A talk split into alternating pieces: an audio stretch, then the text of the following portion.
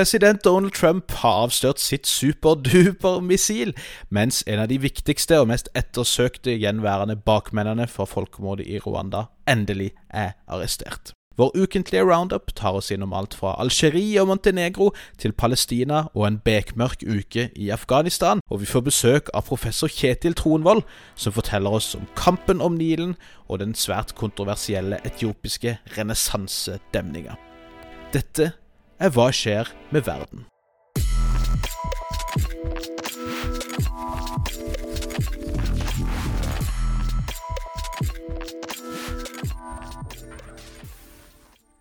Hei og hjertelig velkommen til nok en episode av Hva skjer med verden?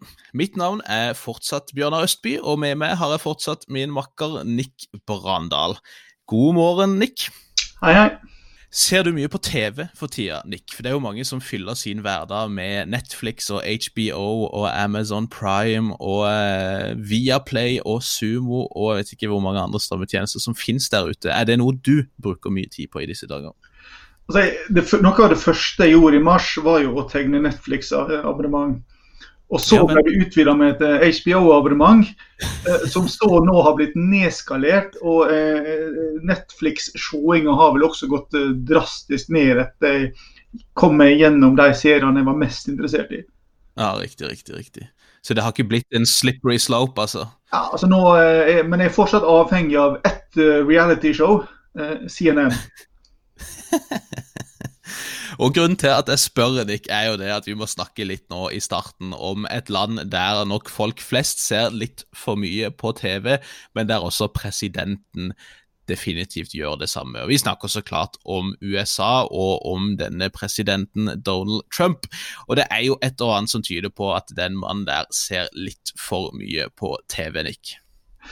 Ja, og det ser vi jo igjen hver gang han skal sette et navn på et av disse prosjektene sine. Ja, riktig. Og nå, nå har han jo kommet opp med noe helt nytt i den forbindelse, ikke sant? Ja, det, det aller siste som eh, kom nå eh, på fredag, var det vel. Eh, det var jo denne her taskforcen som skal finne ei vaksine mot korona innen utgangen av året. Det skal jo ikke la seg gjøre. Altså, man har jo snakket om at dette vil ta minimum 16 måneder, to år osv. Mm. Nå har han altså satt sammen logistikkansvarlig i den amerikanske forsvaret eh, og medisinske eksperter osv. til det som han da har kalt Operation Warp Speed. Og eh, det var nok flere enn meg som fikk Star, eh, Star Trek-vibba eh, ved det navnet der. Og det er jo ikke bare det navnet som har gitt folk Star Trek-vibber. Nylig så eh, annonserte jo Trump at dette nye flagget for hans nyopprettede Space Force var eh, klart. Og da det ble eh, vist fram for journalistene, da, så skjønte jeg at det var flere Star Trek-fans som, som, mente at dette nærmest var et overtramp, og at logoen ligna litt for mye på det de hadde kjent fra den kjente og i visse kretser ganske kjære serien jeg må innrømme at når jeg hørte navnet Space Force, så gikk jo tankene mine til Mel Brooks sin Star Wars-parodi Spaceballs fra 1980-tallet. ja, riktig. Og det er jo i det hele tatt ganske parodisk, dette opplegget. Ikke minst når da Trump her kunne kunngjøre at det ikke bare det nye flagget til Space Force var klart, men at også et nytt våpen var på trappene. Og det var ikke et hvilket som helst våpen, skjønner du, Nick. Det var det Trump kalte for et eh, superduper-missil. Og dette superduper-missilet er jo da, så vidt jeg kan forstå, og så vidt alle andre kan forstå, et nytt såkalt hypersonisk våpen. Det er altså superdupert, fordi det går så sinnssykt kjapt. Og hypersoniske våpen er jo da rett og slett våpen som eh, beveger seg mange ganger lydens hastighet. Og dette er jo da våpen som har vært under utvikling en stund, men der russerne og kineserne har hatt et ganske kraftig forsprang på USA. Russland har allerede, hevder de i hvert fall, gjort operasjonelt flere typer hypersoniske missiler. Kineserne skal ha kommet langt, mens USA visstnok først testa sitt våpen tidligere i uh, vår. Um, så jeg vet ikke helt hva dette nye superduper-missilet han snakker om egentlig er, fordi det har allerede vært viden kjent at USA har testa et hypersonisk våpen. Det var en sak på NRK for en uke eller to siden om at uh, norske bedrifter er med i utviklinga av teknologien til slike våpen. Grunnen til at man ønsker å utvikle disse, er jo det at de nettopp er så fryktelig kjappe, men at de også er manøvrerbare i større grad enn det tradisjonelle ballistiske missiler er. Et ballistisk missil er jo da et som du skyter, som da går ut av atmosfæren og så daler ned igjen i en ganske sånn normal bue, mens et hypersonisk Eh, missil da faktisk kan ha en ganske sånn variert og svingete bane som gjør det veldig mye vanskeligere å stanse, og som rett og slett gjør at du på mange måter, i hvert fall inntil videre, har et våpen som ikke kan forhindres på veien mot uh, sitt mål.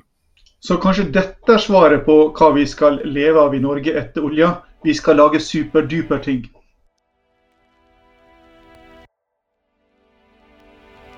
Vi får eh, starte på vår eh, ukentlige roundup, eh, Nick. Vår lille reise rundt i verden for å prøve å gi deg en liten oppdatering rundt hva som faktisk skjer der ute. Der vi prøver også å highlighte noen ting som kanskje ikke får så mye spalteplass i norske medier. Og vi kan jo starte med det som har vært en gjenganger i mye av denne vårens episoder, nemlig koronaen.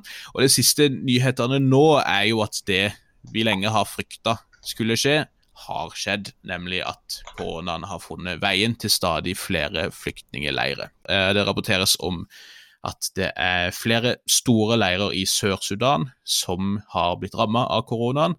Og det siste nå, som har fått mest spalteplass, er jo det at denne enorme flyktningleiren Cox Bazar i Bangladesh har fått registrerte tilfeller av korona. Ellen Stensrud var jo innom for noen uker siden og fortalte oss om situasjonen for rohingyaene i Myanmar, og denne flyktningleiren i Bangladesh er da befolka av noe sånt som én million rohingyaer, som allerede lider under fryktelig dårlige kår. Eh, og attpåtil så har man da fått koronaspredning også inn i disse leirene, noe som er gjør situasjonen desto mer prekær. I tillegg så rapporteres det også om at korona nå sprer seg raskt i Jemen, tross flere forsøk på å få til en våpenstillstand, sånn at man i større grad kunne forberede seg på at dette viruset ville spre seg. Det har vi dessverre ikke lyktes med, altså, og situasjonen også der ser ganske dyster ut. Og for å gjøre vondt verre, hadde jeg nær sagt, eh, Nick, så er det jo ikke bare koronaen som får lov til å spre seg i disse dager, men også flere andre sykdommer som vi kanskje trodde vi var ferdige med. Ja, og det er jo særlig én som eh, det har vært eh, økende frykt for nå er på vei tilbake, og det er polio. Hvis mm. du går, hadde gått tilbake igjen til 1950-tallet, så var jo polio omtrent eh, like skremmende som eh, koronaen er i dag. Men eh, en kom i løpet av de ti årene som fulgte, 99% på vei til å utrydde den. Ja, nettopp. Men til nå i år så har vi hatt en kraftig økning i tilfeller av polio. 155 mm. tilfeller siden januar, som er en økning på 182% sammenlignet med samme periode i fjor. Ja, og, og, det er frykt for at dette kan eksplodere i Afghanistan, Pakistan, Niger og Tsjad, for å nevne de der det er mest uh, sårbart akkurat nå. Mm, mm. Og, og, dette blir jo kritisk, fordi dette er jo land som allerede sliter med å håndtere koronapandemien. Nettopp. Og dette er jo ikke noe som bare plutselig skjer, det er jo visse årsaker til at man ikke greier å bremse denne utviklinga på samme måte som før. Bekjempinga av disse sykdommene og, og det at man lykkes lykkes eh, i dette arbeidet, handler om internasjonalt samarbeid. Og det handler om den liberale verdensordenen som ble satt på plass, ledet av USA etter andre verdenskrig. Mm. Og Det er da særlig samarbeidet innenfor Verdens helseorganisasjon som har vært avgjørende. Og der USA har vært den største bidragsyteren eh, både økonomisk og når det gjelder å ta en ledelse her. Og mm. Dette arbeidet har nå stoppa opp Pga. Eh, Trumps krig med Kina og behovet for å finne en syndebukk som kan få oppmerksomheten bort fra hans egen dårlige håndtering. Og Problemet når han skal stoppe støtta til eh, Verdens helseorganisasjon, er at mesteparten av denne her går over budsjettet som er vedtatt av eh, Kongressen. Mm. Eh, det han kan stoppe, er de frivillige bidragene. Og de frivillige bidragene er det som har gått direkte til særlig vaksineprogram. Hoveddelen av dette har gått til polio, men i tillegg også malaria, tuberkulose og hiv-aids. Mm, okay. bare For å si hva dette har ført til på kort sikt, så er det uh, regna med at ca. 90 000 barn i Kongo ikke har blitt vaksinert i år pga. Uh, dette. Og Du har tilsvarende tall i andre land. Og um, som du allerede har vært inne på, du har også sett et oppsving i andre sykdommer som man var kommet langt på vei å utrydde, som meslinger og ebola. Ja. Mm, mm. Og eh, det er jo ikke bare liksom det økonomiske aspektet og logistikken rundt dette som gjør det vanskelig, men det er også flere konspirasjonsteorier som florerer rundt dette nå, stemmer ikke det? Ja, og det ser du særlig i, i Afrika, der det bl.a. blitt spredt et rykte om at poliovaksiner gir deg korona. Ja, ikke sant. Eh, hva dette har oppstått fra, og hva formålet er, hvem som står bak, vet vi foreløpig veldig lite om. Mm. Men uh, det er åpenbart veldig skadelig. Og så Hvis du tar et steg tilbake igjen, som for så vidt allerede har vært inn på, så er dette et eksempel på at uh, du kan si at den, den friheten vi i dag tar for gitt, handler veldig mye om at vi er en del av dette her internasjonale regulerte systemet som, som da USA har ledet. Og mm. tilbakekomsten til sykdommer og utbrudd av pandemien nå er et forvarsel om hvor, livet, hvor mye livet vårt kan forandre seg dersom dette systemet kollapser. Nettopp, nettopp. Det er jo ikke veldig oppløftende, dette her, men, men, vi er ikke her for at dere skal bli lykkelige nødvendigvis heller. Vi, som vi sier, ny uke, nye sørgeligheter, og sånn er det jo. Og det skal vi dessverre også få nok av når vi nå tar reisen videre til Afghanistan, der det har vært en rekke rett og slett grusomme hendelser denne uka som gikk. Og de fleste av disse hendelsene har eh, IS sin Khorasan-provins, eller ISK, IS i Afghanistan, fått eller tatt æren for. Eh, det var ett angrep i eh, Øst-Afghanistan, i byen Nangarhar, i et område der ISK har vært mest aktive, hvor 24 mennesker ble drept da selvmordsbombere angrep en begravelse av en politisjef der i Nangarhar. Men det angrepet som naturligvis har fått mest oppmerksomhet, og som også har blitt dekt nokså bredt i norsk presse, det er jo dette grusomme angrepet mot ei fødselsavdeling i Kabul. Eh, det er jo noe av det nedrigste og fæleste jeg har lest om på en stund, men da har rett og slett angripere, som vi fortsatt ikke vet 100% hvem var, gått inn på en fødselsavdeling og aktivt da eh, drept mødre men også flere nyfødte barn. Så 24 stykk meldes vel om skal ha blitt drept, egentlig for begge angrepene. Da. Og i dette sykehuset, de som skal ha blitt drept der, er i all hovedsak sjiaer. Og det er jo nettopp dette som gjør at det er mest nærliggende å tenke at IS sto bak, i og med at IS er mye mer rabiate antishiaer i sin ideologi enn det Taliban og Al Qaida er. Al Qaida blir jo eh, klandra av IS for ikke å være harde nok i møte med sjiaer, og det har jo vært spekulert i at bin Ladens mor selv var shia, og at det er litt av grunnen. Eh, men også Taliban har blitt kritisert av miljøer som senere ble til IS for å ha vært for softe i møte med det man hevder er frafalne eller vantro muslimer, som ifølge ISs ideologi kan ekskommuniseres og følgelig drepes. da. Det er ennå ikke klart hvem som har stått bak, som sagt. IS har ikke tatt ansvaret, Taliban har sagt at det ikke var de. Afghanistans president Ashraf Ghani har anklaga Taliban for å angrepe, og har også sagt at de ikke har eh, redusert volden eller lystra våpenhviler som de hadde lovt, og har da beordra hæren, den afghanske hæren, for å gå fra det som var en modus kalt active defense, til å gå på offensiven. Det har vært masse konspirasjonsteorier også rundt dette her. Noen har eh, hevda at IS angrep dette sykehuset med støtte fra India. Andre hevder at Taliban har gjort det med støtte fra den pakistanske sikkerhetstjenesten. Eh, enda andre, bl.a. Taliban, har jo hevda at IS med myndighetenes støtte har gjort dette for å avspore fredsprosessen, mens USA har vært tydelige på at de mener IS sto bak.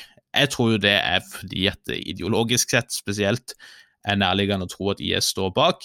Men det er nok også litt fordi USA ønsker å prøve å holde liv i denne fredsprosessen, sånn at de faktisk kan trekke ut soldatene, sånn som de allerede har starta med.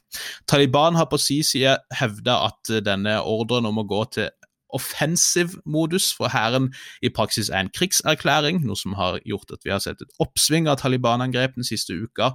Eh, det var et angrep mot en by øst i landet der fem sivile ble drept, bl.a. Så det har vært en lastebilbombe også der flere mista livet. Og Taliban har da sagt at disse angrepene er en hevn for uttalelsene til presidenten. Eh, og for at de på falskt grunnlag anklager Taliban for å stå bak angrepet i Kabul. Så dette kan jo på den ene sida gjøre at det ser nokså mørkt ut for denne fredsprosessen, nå som frontene begynner å hardnes igjen. Men samtidig så har det jo kommet noen gode nyheter også, da man på søndag fikk til en eh, form for maktdeling mellom landets to rivaliserende ledere. Vi snakka jo om for en del uker siden at det har vært eh, rift i Afghanistan om hvem som faktisk er den legitime presidenten, om det er Ashraf Ghani som har fungert som det, eller hans rival Abdullah Abdullah.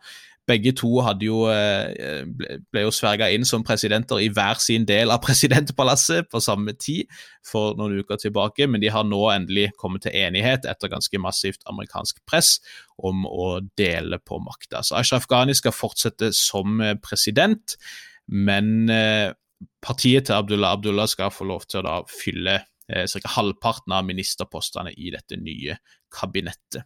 I tillegg så har da sistnevnte også fått post som lederen for det som kalles Det høye råd for nasjonal forsoning.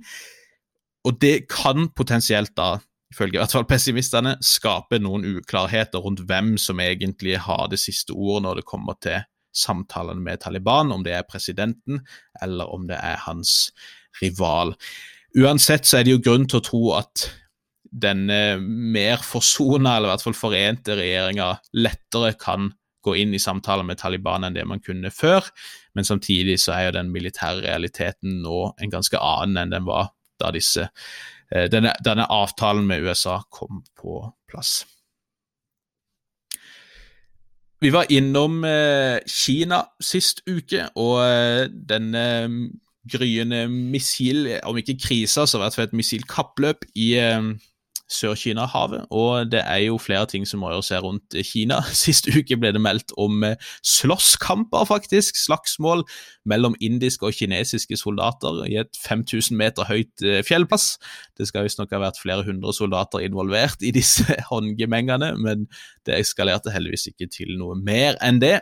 Men ellers så har det kommet noen signaler, eller i hvert fall det som har blitt tolka som signaler fra Beijing, om at man der vurderer å ruste opp Kinas kjernevåpenarsenal for å prøve å komme på samme nivå som Kina og Russland. Eh, vi så jo hvordan Kina sine konvensjonelle eh, våpen er flere enn USAs i Kines, Kinas nærområde, men dersom de også ønsker å ruste opp kjernevåpenarsenalet, så kan jo det ha noen interessante effekter på samspillet og motstand mellom disse forskjellige supermaktene.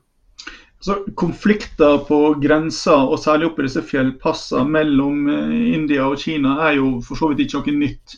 Og du, hadde jo, du hadde jo direkte krig i 1962. Og så har du hatt sånn stadig vekk sånn min, mindre episoder. Den forrige alvorlige var jo i 2017, i den såkalte, såkalte Docklam standoff.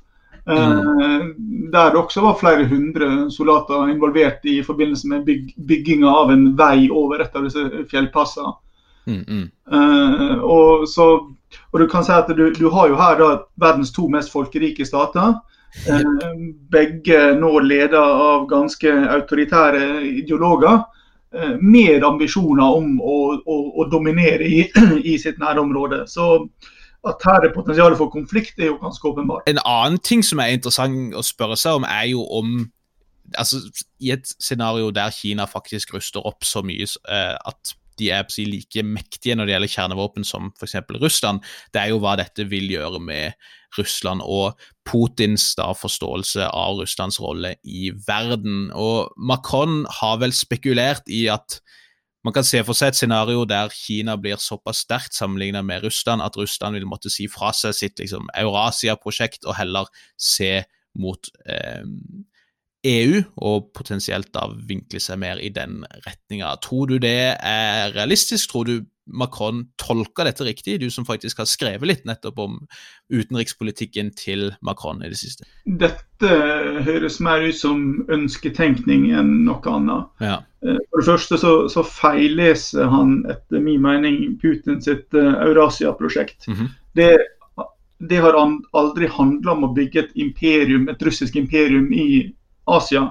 Denne eurasiske unionen med Kina er et fornuftsekteskap der de to har felles interesse i å undergrave den vestlig dominerte verdensorden, den liberale verdensorden, demokrati, eller, eller hva du nå vil kalle det. Mm, mm. Uh, og Putins interesse har alltid vært retta mot Europa og uh, mot å slå tilbake igjen uh, EU og Nato sin, sitt innrykk i Øst-Europa, og særlig da i de slaviske områdene. Putin sitt, sitt Eurasia handler om de slaviske områdene, og Russland som dominerer de slaviske områdene. Ja, ja, nettopp. Hvis vi fortsetter så vidt bare med Kina, så kan det jo også nevnes at japanske medier var eh, ute nylig med noen rapporter som har skapt en del oppstandelse i Taiwan, fordi de hevder da å ha kilder på at det kinesiske militæret nå planlegger en ganske massiv øvelse på eh, invasjoner fra sjøen, invasjon av øyer naturligvis, da, i kommende august. Der disse øvelsene som planlegges visstnok skal simulere en invasjon av Dongsha-atollet, som er et strategisk atoll som i dag ligger under taiwansk kontroll. Det ligger ca. midt i sjøen mellom hvis du ser for deg Hongkong og Taiwan. Cirka midt imellom der ligger dette atollet. Det er kun militære soldater som er utplassert der, det er ikke noen befolkning der ellers, men det ligger veldig strategisk til. Vi snakka jo sist uke om hvordan USA ser ut til å planlegge og prøve å liksom bokse den kinesiske marina inne og holde de vekke fra Vest-Stillehavet, mens dersom Kina skulle greie å karre til seg dette atollet, så vil det jo langt på vei kunne sikre en slags type tilgang ved at man kan utplassere våpen der. Litt av frykten har visstnok vært da at Taiwan skal lease ut øyene til USA, enten for å da drive med samling av etterretning og informasjon derfra, eller potensielt da å utplassere disse våpnene vi snakka om sist uke. Um, men det er klart det er jo ikke med på å liksom eh, dempe disse Eh, spenningene som er i regionen, hvis dette her faktisk stemmer. Og Som sagt så er det japansk media som melder dette først, men det skal ha skapt en del frykt i Taiwan. En eh, militærekspert i Kina som hadde blitt eh, spurt om dette, sa jo da at eh, eh dersom disse sesesjonistene i Taiwan virkelig insisterer på løsrivelse, så vil sikkert øvelser kunne endre seg og bli til handlinger, reelle handlinger reelle invasjoner ganske raskt. Vi var så vidt innom eh, Russland og eh, slaviske, det slaviske prosjektet, om du vil. og I den forbindelse så kan vi jo svippe så vidt innom Montenegro, hvor det har vært uroligheter den siste uka. Disse urolighetene starta etter at eh, Politiet arresterte en serbisk-ortodoks biskop og flere prester, etter de da skal ha brutt lovgivninga rundt uh, koronaen ved å ha arrangert da, en messe. Disse har da blitt arrestert, noe som har skapt uh, betydelig uro rundt i landet, med en rekke tilfeller av voldelig sammenstøt mellom politiet og da den serbiske minoriteten i Montenegro. Og dette blir jo så klart brukt for alt det er verdt av Serbia også, for å liksom vise hvor fæl situasjonen for serbere i Montenegro faktisk er. da. Så der dette enn så lenge ser ut som det er kontrollert, og det er noen spekulerer i at dette også nok er planlagt, så, eh, så trenger man jo heller ikke mer spenninger på de traktene der. Så det blir spennende å følge med. Disse eh, prestene har nå blitt eh, frigjort igjen, så vi får se om det er nok for å dempe situasjonen, eller om dette vil vedvare. Og Her kan det være på sin plass å minne om det, eh, det historiske bakteppet. Eh, og først og fremst da første verdenskrig. Mm. Det, det, for mulig, alle mulige andre forklaringer, det som faktisk fører til at første verdenskrig bryter ut, er at Russland sanksjonerer at serbisk etterretning kan lage bråk i Bosnia, bruke den serbiske minoriteten inne i Bosnia til å gjennomføre en terrorhandling. Nettopp, nettopp. Altså, hvis du skal plassere skylda for første verdenskrig én plass, så er det Russland. Mm, mm.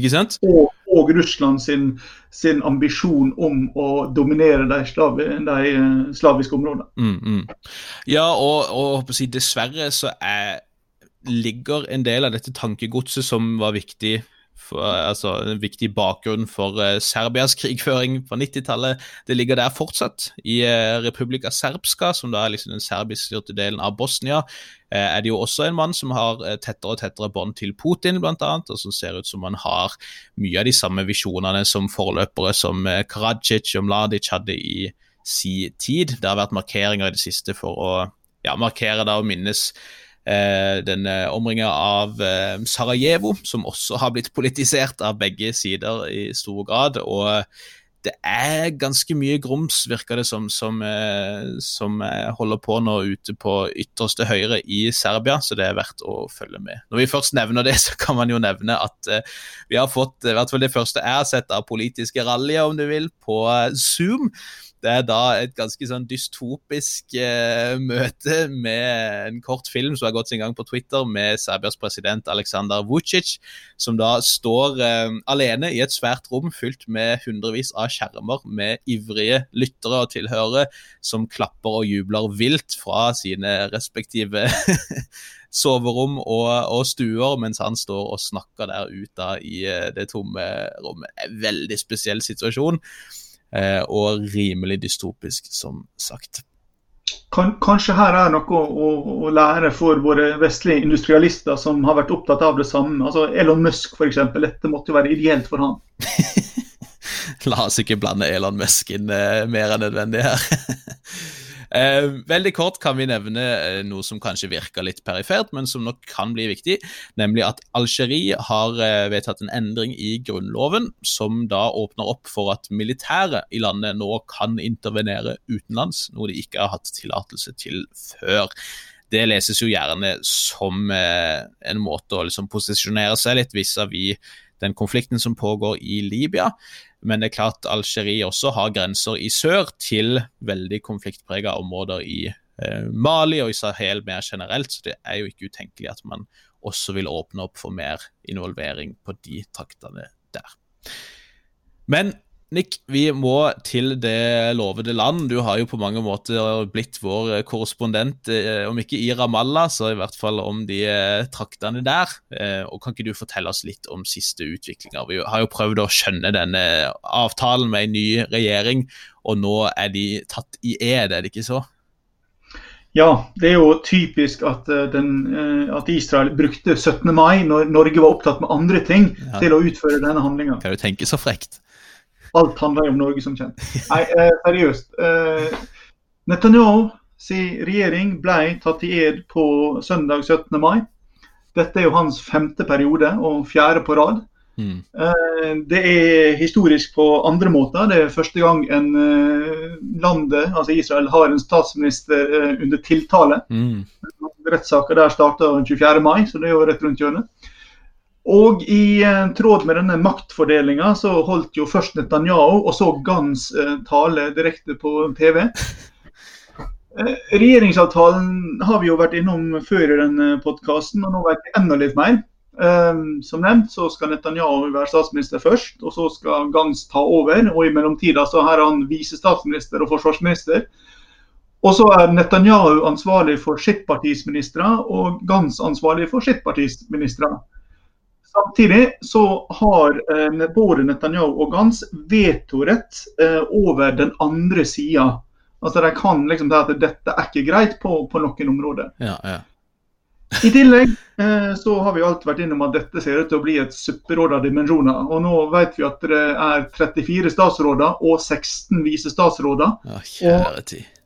De har da, for å få dette til å gå opp, og for å dele ut nok kjøttbein til alle tilhengerne sine, eh, laga bl.a. en parlamentssamarbeidsminister og en samfunnsutviklingsminister.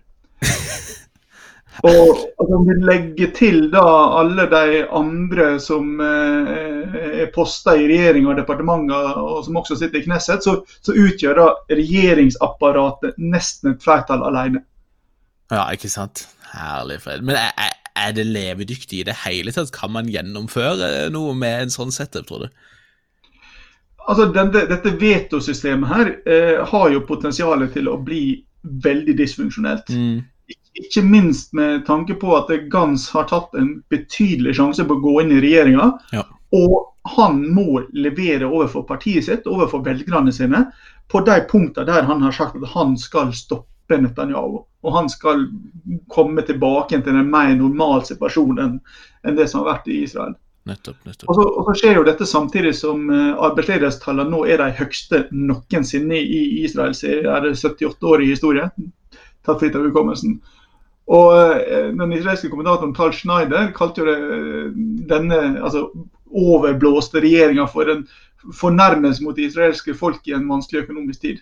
Og det, det som gjør dette håper å si, Det er jo litt synd å si spennende, men vi syns jo det er spennende, tross alt. Men det som gjør dette desto mer kritisk, er jo at i bakgrunnen her så lusker jo en mm, på mange måter mye større og mer betydningsfull avgjørelse, nemlig hvorvidt Israel faktisk kommer til å ta steget eh, og annektere alle disse bosetningene på Vestbredden, noe som i praksis vil være liksom spikeren i kista for en meningsfull palestinsk stat. Og Netanyahu hevda jo nylig at det å annektere eh, Vestbredden, eller store deler av Vestbredden, er noe som vil bringe fred, mens FNs spesialutsending og ca. absolutt alle i resten av verden sier jo det motsatte, at dette er en oppskrift på disaster dersom Israel faktisk skulle ta det steget. Og Det har jo da også vært ganske anspent på Vestbredden i den siste uka. Det var faktisk en israelsk soldat som ble drept nylig, eh, men det har jo også vært mange palestinske demonstranter som har eh, fått gjennomgå av eh, de israelske forsvarsstyrkene.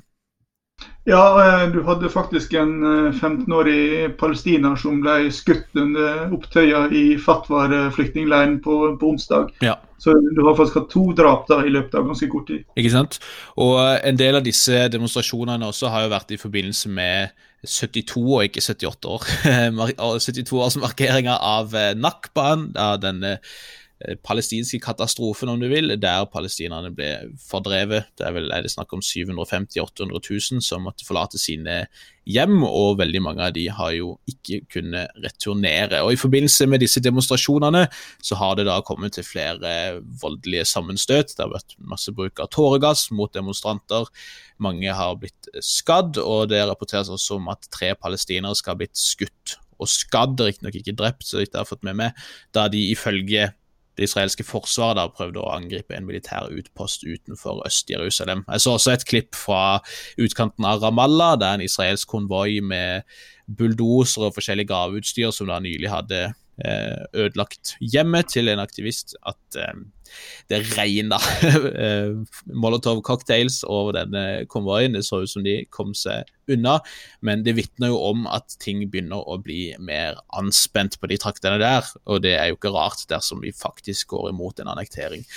Eh, noe som ikke er så vanlig, er at kongen av Jordan begynner å legge seg opp i disse tingene. Jordan har jo en eh, avtale med Israel på samme måte som Egypt har det, men kong Abdullah av Jordan ble nylig intervjuet av Der Spiegel og advarte da sterkt mot en eventuell annektering av store deler av Vestbredden. Han sa at det vil føre til mer vold, mer kaos og ekstremisme, fordi resultatet av en slik annektering vil jo mest sannsynlig være at palestinske selvstyremyndigheter kollapser, i og med at de har fint lite å styre over lenger.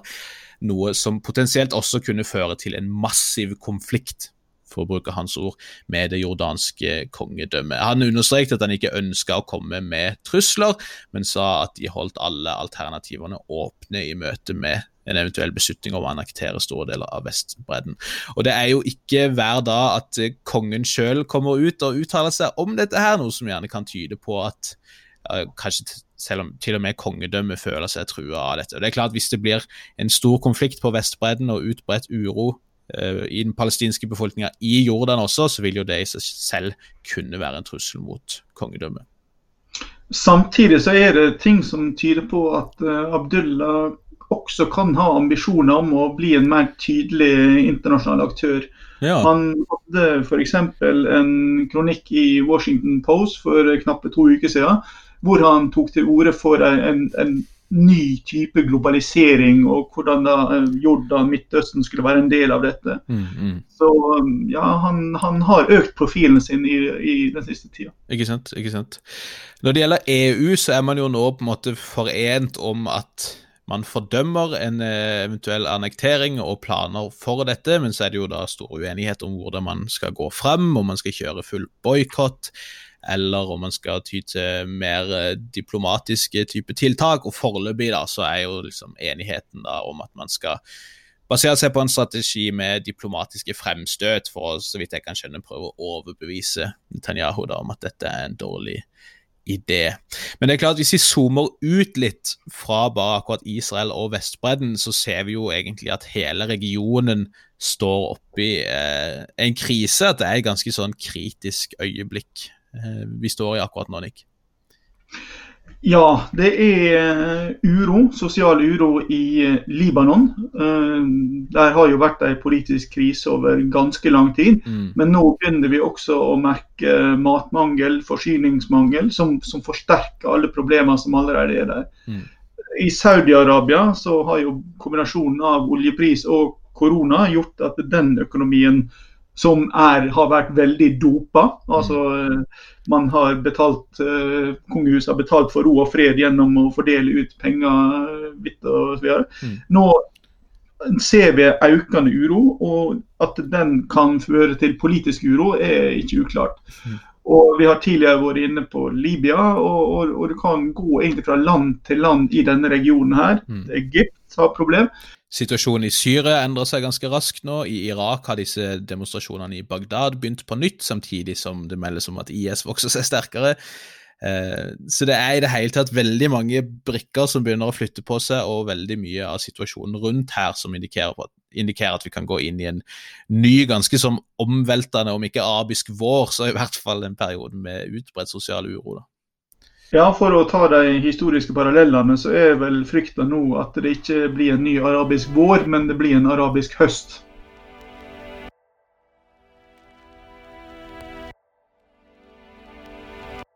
Da er det glede for meg å kunne ønske velkommen tilbake til podkasten til eh, vår kollega professor Kjetil Tronvold. Hei, hei, Kjetil.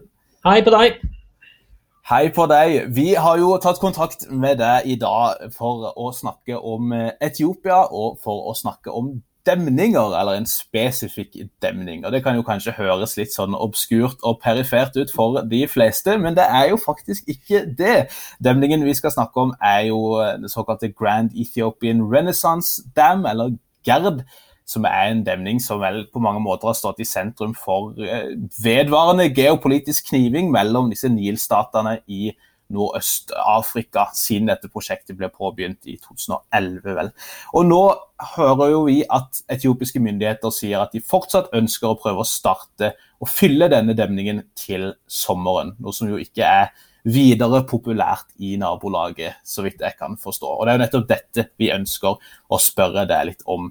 Kjetil. Um, og Før vi går inn i måte, dagens situasjon, så kan vi spørre først uh, om du kan introdusere demninga litt sånn kort for oss. Er dette nok et sånn litt sånn fåfengt uh, prestisjeprosjekt à la det Mobutu holdt på med i Zair i sin tid? Uh, eller er det liksom et genuint ledd på vei mot økonomisk utvikling for Etiopia, sånn som du ser det? Det er et prestisjeprosjekt, ja. Men det er også et genuint element i Etiopias økonomiske utviklingsmodell, eller visjon. Blånilen, som demningen er på, opp mot grensen til Sudan, er, eh, forsyner jo Nilen med ca. 80% av dens vannkapasitet, som da renner gjennom Sudan og gjennom Egypt og ut i Middelhavet. Altså 80% av vannet i Nilen kommer fra det etiopiske høylandet. Og Etiopia har i og for seg alltid sagt at uh, dette vannet kan vi jo bruke, men har ikke hatt anledning eller fått anledning eller hatt ressurser til å bruke det før nå da når den tidligere statsminister Melle Senavi satte i gang dette prestisjeprosjektet. Men det er jo en særdeles eh, vanskelig kontekst ut ifra de gamle koloniavtalene som regulerer eh, eierskapet til vannet nedstrøms. Eh, dette var jo koloniavtaler som britene skrev når britene i og for seg kontrollerte Sudan og var allierte med Egypt. Som da gir Egypt en vetorett og full bruk av all vannet i Nilen, kan du si. Og at oppstrømsstatene, à la da Etiopia, som forsyner 80% av vannet, ikke har noen rettigheter til å bruke dette vannet uten da en avtale eller en aksept av Egypt. Mm. Og Det er jo det prinsippet Etiopia da har snudd rundt og sagt at hør nå her, disse gamle koloniavtalene tar ikke vi noen hensyn til. Vi prøver å få en ny konsensus, og fikk med seg da de fleste oppstrømsstatene og sagt at nå må vi ha en ny avtale. Mm. Som gir oss rettigheter til vannet, til bruk av elektrifisering eh, eller til irrigasjon. Riktig. Eh, så det er en lang forhistorie her. Eh, så da Etiopia plutselig bestemte at du, nå skal vi bygge denne dammen, for vi trenger strømforsyning. Eh, de fleste afrikanske land gjør det, og Etiopia har da et unikt potensial med å demme opp sine mange elver, deriblant Blånilen, som skal forsyne sitt eget land med tanke på industrivekst, men også være en eksportvare til nabolandene. Elektrisk kraft, altså. Nettopp, nettopp. Så da kan vi jo skjønne at litt av kontro eh, kontroversen her og det som gjør den upopulær, er jo jussen, rett og slett. da, At Etiopia hevder å måte kontrollere vann som de har jurisdiksjon over, på tvers av kravene til Egypt og, og, Sudan. Men i hvilken grad vil du si at dette fra et egyptisk perspektiv da handler om, om eh, frykt for ressursknapphet? Altså, hva, hva, hvordan kan denne demninga påvirke strømninga av Nilen? Selvfølgelig eh, har man jo stor forståelse for Egypts eh, bekymring. Eh, Egypt er jo særdeles avhengig av eh, Nilens vann. altså Gjennom historien er det det som skapte sivilisasjonen i gamle, antikke Egypt. Mm.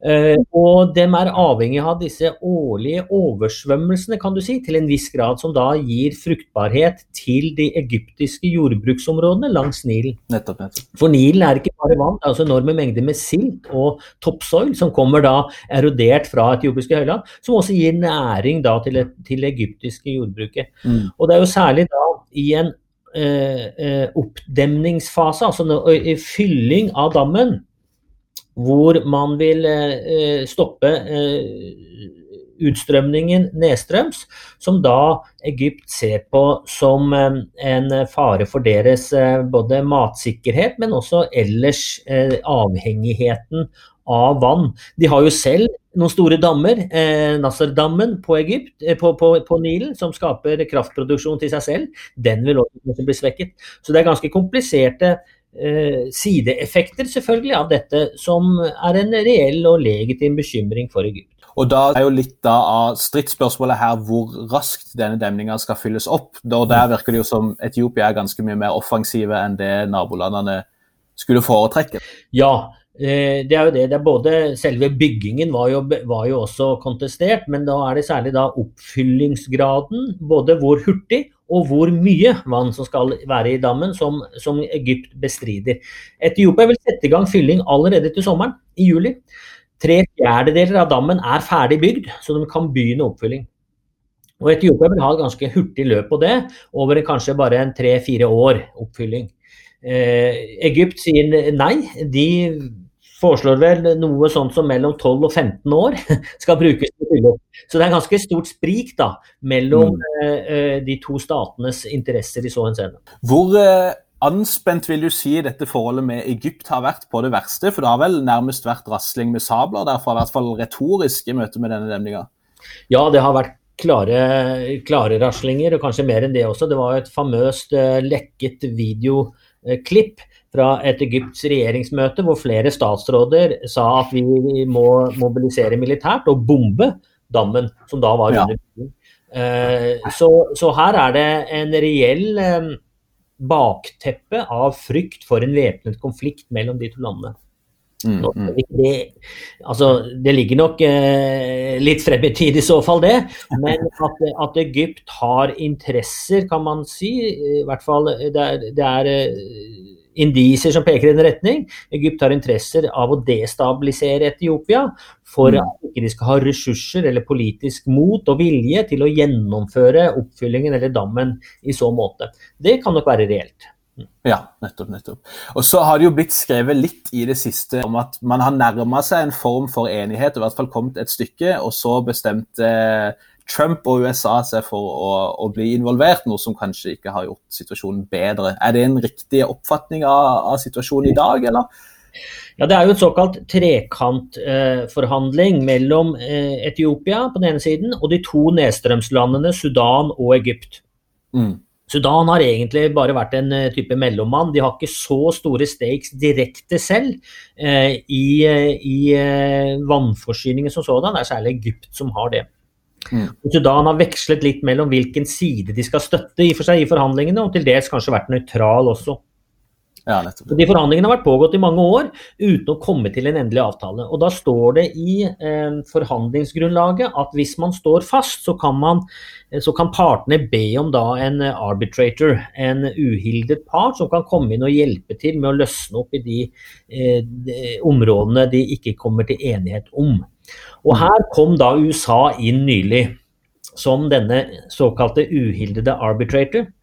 Riktig. Som jo viste seg da å ikke være uhildet, men som tok en klar side med Egypt i Ja, beslutningsprosessen. Og Trump og hans team eh, hva skal man si, forvaltet vel dette på en særdeles klumsete diplomatisk måte. Og forsto ikke viktigheten av Etiopias synspunkter og viktigheten av Etiopias hva skal jeg si, legitimitet rundt dette, og politiske sprengkraften dette var i Etiopia. Mm. Så de, dette løsningsforslaget som USA lanserte, da, eh, tok stort sett bare høyde for Egypts synspunkter og, og støttet det som det endelige løsningsforslag. Så var det faktisk mange etiopere som trodde at eh, den nye statsminister Abiy Ahmed skulle godta dette. Mm. Pga. Eh, både press og pengebevilgninger fra USA til Etiopia som en type kooptering.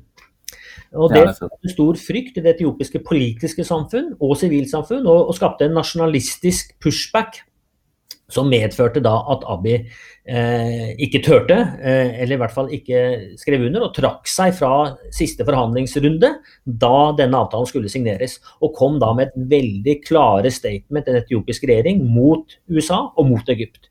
Og særlig da avviste USAs rolle eh, som en eh, arbitrator, som en forhandler i denne prosessen videre. Så Etiopia nå be- ber jo om å restarte de trekantforhandlingene. Egypt, eh, Sudan og Etiopia alene. Og Mm. at det skal African solutions to African problems, og alle utlendinger skal holde seg borte fra denne prosessen videre. Nettopp, nettopp. Så slik situasjonen er nå, for å oppsummere til slutt, så går det rett og slett mot at Etiopia på en måte bare unilateralt beslutter å starte en fylling? Det ser sånn ut, og det skal Mm. nok mye til for at etiopiske myndigheter skal bakke ut av de forpliktelsene eller de lovnadene de har sagt til sitt folk. Da. At vi skal Mm. starte fyllingen så fort som mulig, trolig i juli allerede. Ja. Hvis, hvis regjeringen trekker seg fra det, så viser det en svakhet, og en svakhet mot en ytre fiende, det være seg USA eller Egypt, eh, som skal være vanskelig for Abiy Ahmed å balansere og selge internt som at vi vant likevel kampen. Dette, Mm. er, dette var fra dag én av ja, et økonomisk viktig prosjekt for Etiopias utvikling, men like viktig var det deres største nasjonale fellesskapsprosjekt å bygge det nye Etiopia og Ethiopia Rising-narrativet. At her skal Etiopia komme på banen som det sterke landet, ikke bare på Afrikas Horn, men i Afrika. Som Afrikas største strømeksportør, eh, som skal industrialisere seg selv. Afrikas eh, Kina, så å si. Eh, og, og det var jo stor prestisje i å få finansiering til dammen, for de utenlandske finansieringsselskapene og instrumentene, Verdensbanken IMF, ville ikke det pga. den politiske konteksten. Så dette er selvfinansiert av Etiopia som en dugnad av hele befolkningen, ble det sagt. Så det, det ligger enorm prestisje i det, og dermed og det forsto ikke USA, tror jeg, i, i sine diplomatiske eh, forhandlingsutspill. Eh, og det låser da også den etiopiske regjeringen og statsminister Abiy Ahmed nå til masta. Her må man bare go ahead, tror jeg. Så får man se hva konsekvensene vil bli da, i det som kommer nå. Vi får prøve å følge med videre, så skal vi se at vi kaller deg inn nok en gang i fremtiden. Som sagt, Sist du var på besøk, så kan dere følge Kjetil, Kjetil Tronvold på Twitter. Eh, du publiserte nettopp en artikkel i eh, Addis Standard om eh, en ganske annen, men like viktig utvikling på mange måter i Etiopia. Kan du fortelle veldig kort om hva den handler om helt til slutt? Ja, det er om de indre spenningene i landet, som nå øker i større grad ut ifra det at regjeringen har innført en unntakstilstand pga. covid-19-situasjonen, koronaviruset. Samtidig som Etiopia skulle ha sitt nasjonale valg nå i år, som da har blitt utsatt på ubestemt tid. Dette har medført store rivninger internt, og særlig da fra Tigray-regionen i nord. Som eh, det er en type nasjonalistisk prosess internt som er i motstrid mot føderalregjeringen. Det er snakk, til og med noen som snakker om en løsrivelse fra etiopiske føderasjonen. Mye spenninger, så jeg tar eh, og toucher litt på det og ser på hvordan nasjonalismeideologi utvikler seg under sånne politiske forhold. Og den har skapt kontroverser, kan jeg jo si, i etiopiske miljøer globalt og nasjonalt. Ja, det er Bare ta en liten sving innom Facebook-profilen, det, så får du et godt inntrykk der ganske kjapt. yes. En veldig spennende lesning. Anbefaler alle å ta en titt på det. Så sier vi eh, tusen takk for at du stiller opp nok en gang, Kjetil. Takk for det. Anytime.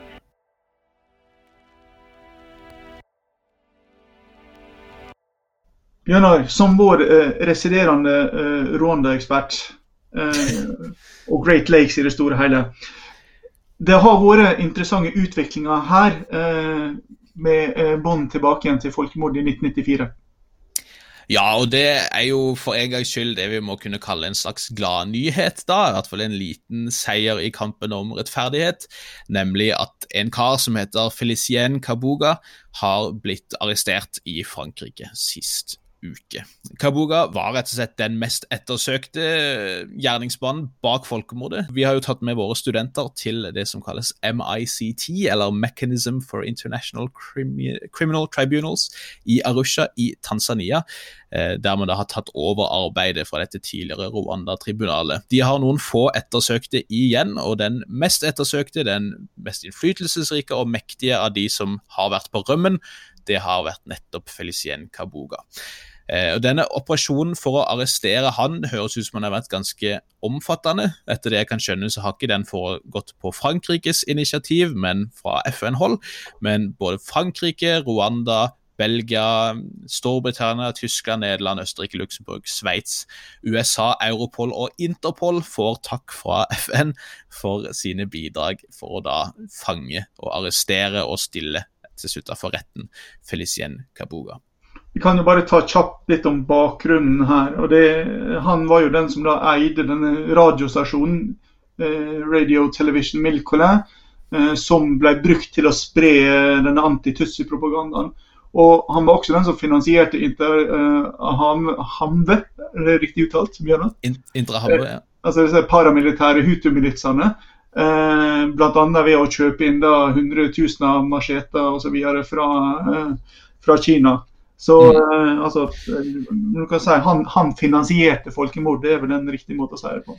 Ja, Han sies rett og slett å være mann som finansierte eller sponsa folkemordet og på en måte sto for uh, både det økonomiske og logistikken som gjorde at dette faktisk kunne gjennomføres. For å ta det i veldig korte trekk, da, så skjer jo folkemordet i Rwanda i 1994, mellom april og juli. Ca. 100 dager hvor Tallene varierer, men alt mellom 500 000 og 1 million primært tutsier blir drept. Eh, det er jo et av de verste folkemordene vi har hatt, spesielt i nyere tid.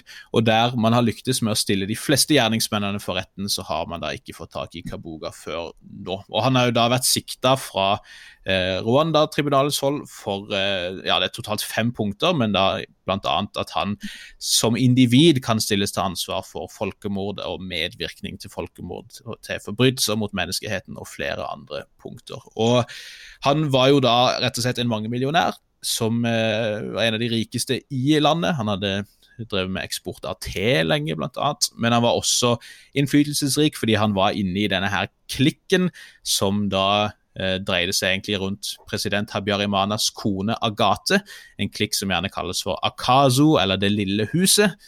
Da tenkt som et lite hus i det store huset, nemlig presidentpalasset. Dette var en klikk da med hutu-ekstremister, som etter hvert da la planene for å rett og slett utslette tutsi-minoriteten, som tidligere i landets historie hadde dominert over hutuene. Så Kabuga var altså med på å opprette denne kanalen, radiotelevisjonen Libre de Milkalin, som du nevnte, som da ikke bare spredte anti-Tutsi-propaganda, men som også regelrett publiserte drapslister og sa hvem man ønska å få drept, og hvor man kunne finne disse. Han oppretta og leda et nasjonalt forsvarsfond, som da eh, han sponsa selv, men som han også brukte for å samle inn midler til å kjøpe kjøretøy til denne militsen Indre Hamme, til å kjøpe uniformer og til å importere over 500 000 macheter i 93, året før folkemordet, som da er nok til å bevæpne ca. én av tre av alle hutu-menn i Rwanda. Så Det er jo disse tingene her, altså det at han er en politisk og en økonomisk viktig, viktig person,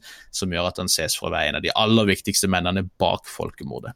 Og Det er jo grunnen til at USA eh, utlovde en dusør på var vel 5000 dollar i 2003 for opplysninger som kunne hjulpet før til at han ble fanga. Samtidig så har han jo åpenbart hatt tilgang til nettverk som har hjulpet han. Blant mm. annet så uh, har det blitt sagt at uh, Moi i Kenya, altså tidligere president i Kenya, var en støttespiller. Og, han har vært i Tyskland, Sveits, Belgia og Kongo før han altså, endte opp i Frankrike. Og mm. Han får jo rykte om at han har vært nærmere enn det også, Bjørnar. Ja, altså det, det, man jo gjerne har trodd lenge, er jo som du sier at han var i Kenya. Og da Obama var på besøk som senator før han ble president i Kenya, så anklagde han jo kenyanske myndigheter for å ha latt Kabuga liksom kjøpe seg en trygg havn der. Men etter denne tida så har det faktisk også vært rykter om at Kabuga har vært i Oslo. At han kryssa båa i Svinesund og holdt seg i skjul i Oslo og ønska å søke asyl her. Men den påstanden kom fra en litt sånn obskur blogg om afrikanske affærer basert i Oslo. og ja, Både Rwandas myndigheter og FN og mange andre var ganske raske ute og mente at dette var feilaktig informasjon, som kanskje attpåtil var brukt for rett og slett prøve å avlede og feil, eller altså, ja, mislede de som var på jakt etter han, i og med at man kort tid etter dette skulle ha et møte i FNs sikkerhetsråd om jakten på Kabuga. Så etter å ha vært innom ja, du nevnte bl.a. Sveits, DR Kongo, Kenya og flere andre steder, så ble han til slutt funnet da i Frankrike under falsk navn i et forsted utenfor Paris. Og Der Frankrike for så vidt skal eh, prises for at de faktisk har fått tak i denne karen, så er det jo på den andre sida ikke direkte overraskende at det er i nettopp Frankrike at man fant han. For Frankrike har jo en historie de har lenge vært tett på dette Hutu-regimet i, i, Rwanda. unnskyld. De har vært eh, opptatt av å prøve å kontre eh, forsøk på å liksom, gjøre Rwanda til en mer anglofon stat, som jo da har skjedd under eh, Paul Kagame og RPF, det Tutsi-styret som har vært siden folkemordet. De intervenerte under folkemordet på feil side, de intervenerte på regimets side både før og under folkemordet. Og det er jo da også sånn at en rekke mistenkte fra folkemordet har befunnet seg i Frankrike. Kona til president Habyarimana hun eh, ble jo skippa til Frankrike nokså umiddelbart etter presidenten ble drept, og i det hele tatt så er det en ganske stygg historie mellom Frankrike og Rwanda, så der vi kan si eh, takk for hjelpa, så, så, har de rett og slett ganske mye å svare på. Det er jo fristende her å sitere den britiske journalisten Nick Cohen om eh, Storbritannia, som sa om Storbritannias holdning til krigen på Balkan på 90-tallet, der de ikke ville gripe inn. at når Frankrike kan angripe deg fra et moralsk høyere ståsted, da er du ferdig. Da er du så ferdig, da. ja. Frankrike har mye å svare for, men vi får si takk for at vi i hvert fall kunne ha en ganske gledelig nyhet. Og Han vil jo antageligvis da bli sendt til Haag, og etter hvert så vil jeg tro at denne saken skal håndteres i Arusha, i denne residual mechanism eh, som har tatt over ansvaret fra eh, dette Rwanda-tribunalet. Og kanskje så kan det være at vi og våre studenter får lov til å følge litt av denne rettssaken neste gang vi er på besøk der.